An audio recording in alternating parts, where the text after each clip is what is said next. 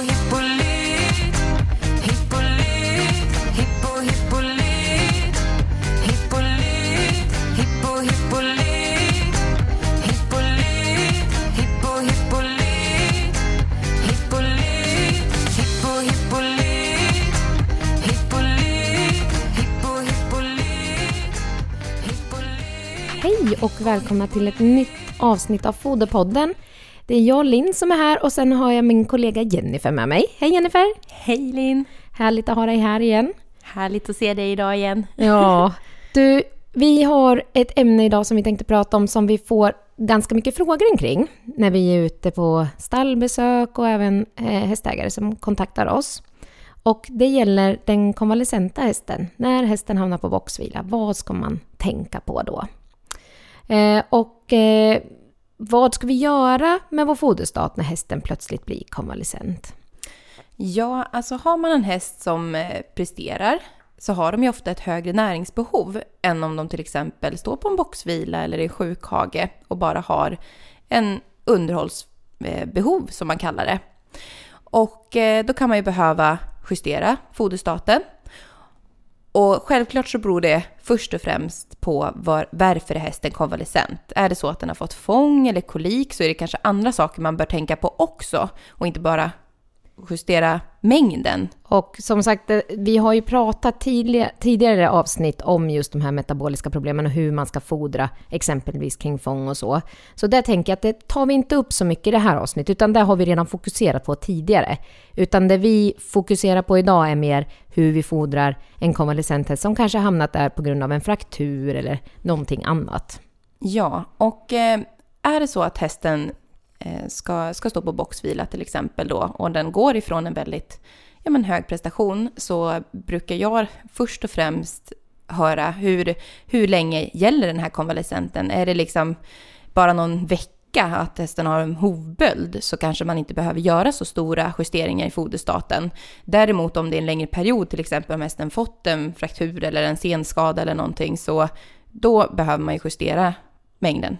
Ja, eftersom att vi beräknar foderstaten utifrån och lägger på ett tillägg för arbete så blir det ju en, en konsekvens om hästen då står på box i flera månader att de inte kommer arbeta. Så att då behöver vi gå in och göra den justeringen. Men precis som du säger, det är väldigt vanligt att många vill börja justera om det bara rör sig om ett par dagar på box. Och det är inte riktigt någonting som vi rekommenderar, att man börjar göra stora justeringar i sin foderstat när det gäller bara några få dagar sådär. Nej, men är det så att den ska stå en längre period så måste man eh, justera just och då är det främst eh, energiintaget som man behöver justera då. För att risken annars det är ju att hästen överutfodras, lägger på sig hull och eh, i och med att energibehovet minskar då när de inte utför mer arbete. Och ehm, man kan ju istället då behöva komplettera upp genom andra saker. Jag tänker på att om det är så att man kanske inte har ett bra balanserat grovfoder så kan man ju ändå fortfarande behöva komplettera, men då kanske man ska fundera på vad man kompletterar med. Mm. Och alltså hästen har ju sitt underhållsbehov, alltså det behov som hästen har bara för att vara häst, stå, gå, andas och vara i hagen. Det behovet är ju, kvarstår ju även fast man plockar bort exempelvis arbetsbehovet, eller tillägget ska jag säga. Eh, så att vi har ändå ett underhållsbehov eh, hos hästen som vi måste täcka. Och det här underhållsbehovet det gäller ju både då energi som du var inne på som blir lägre, de har ett eh, underhållsbehov av protein och det gäller ju att hästen fortfarande täcker det här underhållsbehovet av protein och saknas då protein i grovfodret så är det någonting som vi behöver tillsätta även hos den konvalescenta hästen. Ja, för de analys analyserna vi brukar se så täcker ju inte det vanligtvis mineraler och vitaminer och ja, proteiner är lite olika med, men många gånger så täcker inte heller proteinet och det, det måste man ju se över så att hästen får i sig tillräckligt. Mm. Och just vitaminer och mineraler är någonting som man behöver tillsätta, för det får jag ofta höra att ja, men jag har tagit bort allting när min häst hamnat på boxvila. Och då vet vi det, att med de grovfoderanalyser som vi läser, och det är ändå ganska många får vi väl säga. ja, det är ganska många. Det är en del. Då täcker vi inte för mineralerna och då behöver vi tillsätta det även när hästen står på boxvila. Eh, det vi ska tänka på där det är ju att om man eventuellt byter bort eller minskar en kraftfodergiva, eh, vad kan man då istället sätta till eh, istället för att ge hästen kraftfoder? Ja, alltså det finns ju flera olika fiberkomplement. Mm. som, man kan, som man kan ge. Um, och då skulle jag tänka att om det är så att man har en, en lättfödd häst så skulle jag ju hellre kanske, om man tar bort, då skulle jag hellre kanske välja att, att ge något lite mash eller någonting som samtidigt är bra för magen för att ändå kunna blanda ut mineralerna med. Uh, och mash är också bra för att det finns ju många hästar som, som rör sig mycket och regelbundet och sådär som snabbt blir eh, Eh, stillastående och inte rör sig lika mycket. Då finns det alltid en risk för kolik och då kan det vara bra att ge lite mash för, för vätskans skull och, och för att hålla igång magen. Um, och, eh, och samtidigt har man lättfödd häst så behöver de ju ofta inte så, så mycket till kompletteringsfoder heller. Men är det så att man har en svårfödd häst så skulle jag kanske titta på om man har en helt svårfödd häst så kanske man byter ut mer från om man har mer stärkelsebaserad foderstart så kanske man går över mer på fiberbaserat. Ehm, och alternativt att man får det mer ehm, eh, att man baserar mer på, på fett, alltså energi som kommer till exempel från olja eller sådär. Mm, för då får vi ju hästen mycket energi men ingen stärkelse. Och samma sak, de här fiberbaserade eh, komplementen eller till och med foder, grovfoderkomplement rakt av så är ju det extremt bra saker om man vill ha en svårfödd häst, svårfödd häst att gå upp i vikt utan att man behöver tillföra någon stärkelse i foderstaten eftersom det är rent grovfoder man tillför fast i till exempel en pelleterad eller hackad form. Ja, för jag kan uppleva många gånger faktiskt, man kan ju tro att hästarna ska blir väldigt, lägga på sig väldigt mycket när de står i boxvila eller sådär, men jag upplever faktiskt många gånger att just de här som har gått från högpresterande till boxvila, att de faktiskt blir väldigt svårfödda och svåra att hålla hullet på istället. Eh, och mycket där tror jag beror på att de kanske inte har ron att stå och äta sitt grovfoder, för många gånger så har de ju fri tillgång på grovfoder och ändå inte lägger på sig, och då är det ju toppen att kunna välja en höpellets, för det har man ju sett att det går fortare för hästarna att få i sig.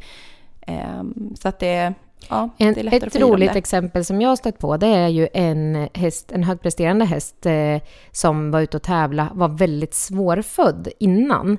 Eh, den hade alltså, fri tillgång på grovfoder och åt inte, hade inte ro att äta och den gick inte upp i vikt.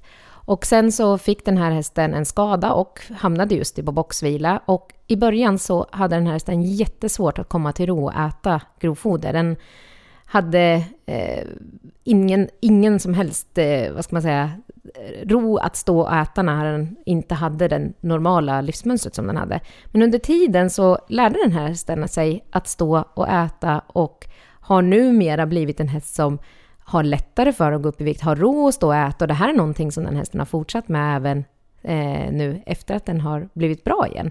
Att Då var det någonting gott som kom med den skadan i alla Någonting fall. gott ur den skadan som gjorde att hästen faktiskt lärde sig att eh, få ro att stå och äta grovfoder och idag har eh, mycket lättare för att hålla hullet än vad den hade tidigare innan skadan. Så där kom verkligen ut någonting positivt ur den skadan. Ja, och sen så ska man ju tänka på det med grovfoder ger ju mycket sysselsättning, för det är svårt det här med att sysselsätta sin häst när den står till exempel på boxvila. Det är ju ganska tråkigt med tanke på att de naturligt sett spenderar så stor del av dygnet med ett, ett födosöksbeteende och sen så bara står de i en liten box. Det är ju stor, Mm. stor Eh, skillnad och man har ju ändå sett att, att tugga och sånt där, det är ju, det är ju lite rogivande för hästarna. Mm. Och det är viktigt för dem att få göra, utföra det beteendet. Eh, sen finns det ju då, som du var inne på lite snabbt där förut, just den här risken när en häst går från högpresterande till boxvila, att de kan få kolik. Och det här kan ju bero på dels för att de har gått, ibland kan det ju hända att hästen skadar sig när de faktiskt är på ett bete och sen får ställas in och äta ett torrt grovfoder. Så där får man ett, går man från ett blötare grovfoder till ett torrare grovfoder. Det blir ett foderbyte i sig och sen så hamnar hästen på boxvila. Så det är många parametrar som spelar in att hästen helt enkelt får en helt annan livssituation än vad den hade precis innan. Eh, och att också hästarna som eh, har rört på sig väldigt mycket, eh, varit presterande, att de hamnar från att vara eh, högpresterande och röra på sig mycket till att bli helt, eh, jag höll på att säga stillasittande, men Stillastående. stillastående åtminstone. Ja. Ja, och då, då kan det ju vara bra, eller jag brukar ofta rekommendera just då, ja men som är som vi har varit inne på, eller linfrön och det finns ju många som man kan ge som komplement- komplement för magens skull så att den håller igång lite grann. Och det är vikten av vatten där återigen med om de kanske står i en liten egen hage, liten eh, sjukhage och att de kanske inte får vattenkoppor man har tillgång till den liksom i, i den stora hagen. Så Mm. kanske inte de får det i den lilla hagen. Så det är viktigt att tänka på va- vattnet också där. Och sen eh, någonting som ytterligare vi får in frågor om, eh, kring, det är ju lite det här med vitamin och mineraler som vi också varit inne lite grann på tidigare här i avsnittet. Men vill du igen försöka förklara varför det är så viktigt att vi sätter till vitaminer och mineraler i foderstaten? Ja, mineralerna och vitaminerna är ju väldigt viktiga för hästens immunförsvar och att de måste få i sig tillräckligt. Men där är det viktigt med en balanserad foderstat. Så att ger du för mycket av en så kan det påverka upptaget av en annan.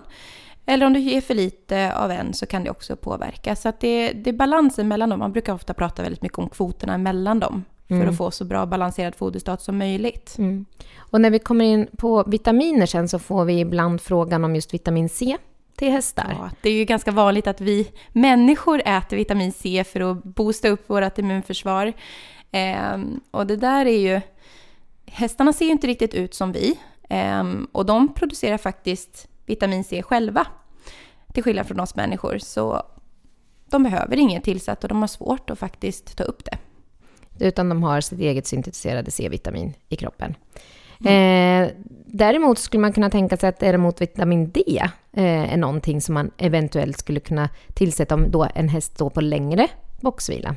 Ja, till exempel om man tittar på en häst som eh, kanske fått en ögonskada, ska stå i ett mörkt, mörkt utrymme ehm, och kanske under en längre period. Då, då ska man nog fundera på det med D-vitamin om den får i sig tillräckligt. Men en normal häst behöver ju ofta inget tillskott av D-vitamin. De får ju i sig framförallt via solljuset om de går fritt ute och sådär. Mm. Och även en häst som har möjlighet att stå ute i sin konvalescens eh, i en sjukhage Mm. eh, blir ju utsatt för eh, solljus eller dagsljus. Sen är det en fråga som också kommit ganska frekvent, det är just att min konvalescenta häst tappar muskler. Ja, det är väldigt vanligt. Ja, och man får frågan, ska vi tillsätta extra protein? Och här är ju, har ju sin naturliga orsak lite grann, skulle man kunna säga. Ja, för att muskler, de behöver ju träning för att hålla. Det är precis som med oss människor, att de måste ju underhållas för att de ska kunna hålla sin volym och allt det här. Ehm, så att det är helt naturligt att en häst faller ur muskulärt om den blir helt stillastående, så att den är på boxvila. Men det är fortfarande viktigt att den får i sig tillräckligt med protein. Så att man ska inte ta bort allt om det är så att man har lågt med protein i sitt grovfoder. Då kan du behöva komplettera fortfarande, även fast din häst inte utför något arbete. Och behovet då, det är ju 6 gram smältbar råprotein per megajoule energi per 100 kilo kroppsvikt, höll jag på att säga. I alla fall per megajoule. Ja, per megajoule. Och det är ju det som är eh, någonting som jag ofta stöter på, det är att hästar som inte gör någonting, då tänker man direkt att nej, vi kan ta bort allting. Men återigen, vikten av vitaminer och mineraler som vi vet saknas i grovfodret och att vi täcker upp för hästarnas proteinbehov. För alla hästar har det här behovet av 6 gram smältbart råprotein per megajoule. Det är någonting som vi inte kommer ifrån oavsett om den är konvalescent eller inte. Eh, så att man bör täcka sin hästs underhållsbehov även när den står på boxvila. Ja, och sen ska man ju inte överutfodra på något sätt heller, för det... Nej, det finns ju ingen anledning till det. Nej. Eh, nästa sak som jag tycker är viktig att poängtera, det är ju lite grann som vi har varit inne på i tidigare avsnitt också, flera talet gånger, det är ju att hästen är ett flockdjur. Och hur ska vi tänka där, Jennifer?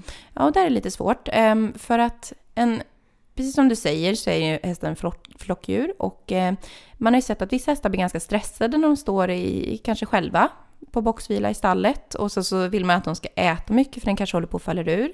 Då kan de ha svårt att koncentrera sig kanske på att stå, stå och äta. Ehm, och då kan det ju vara en idé kanske att ta in en annan häst som står bredvid den. Man har ju också sett i studier då att hästarna behöver se en annan häst ehm, för att kunna liksom, ja, koncentrera sig och äta på sitt foder. Ha den, ha den visuella kontakten. Precis. Inte bara höra andra hästar. Nej, det räcker ju inte bara att höra dem eller känna dofterna av, det eller, av dem eller så, utan de behöver se dem.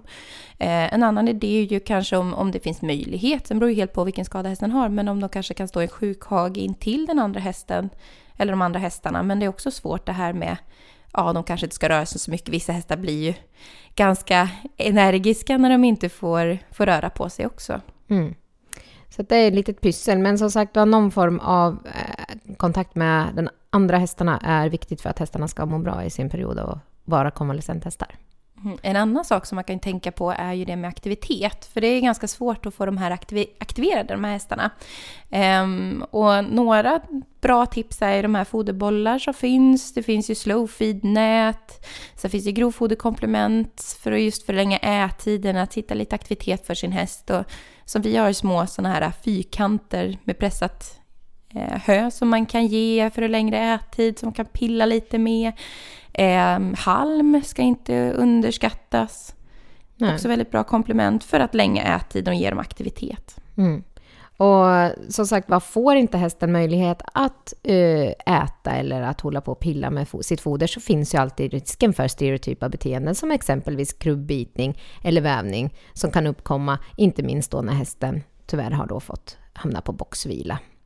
Så att det är någonting som man... Och problemet där är ju också att det kan vara svårt att bli av med. Så att om hästen har fått ett, eh, en beteendestörning i samband med en boxvila och sen så eh, ja, behåller den det här beteendet. Mm. Ofta stannar det ju kvar. Det är svårt att bli av med. Då Mm. har man det problemet kvar sen. Så att försök att se till att hästen har möjlighet att ha sitt ätbeteende, få ro att utföra sitt ätbeteende eh, så gott det är möjligt under tiden den är konvalescent. En annan sak som tillkommer ofta, inte alltid, när hästen hamnar på boxvila, det är ju faktiskt att man måste medicinera hästen. Och eh, det är ju så att både medicin och eventuella tillskott har karens, vissa av dem.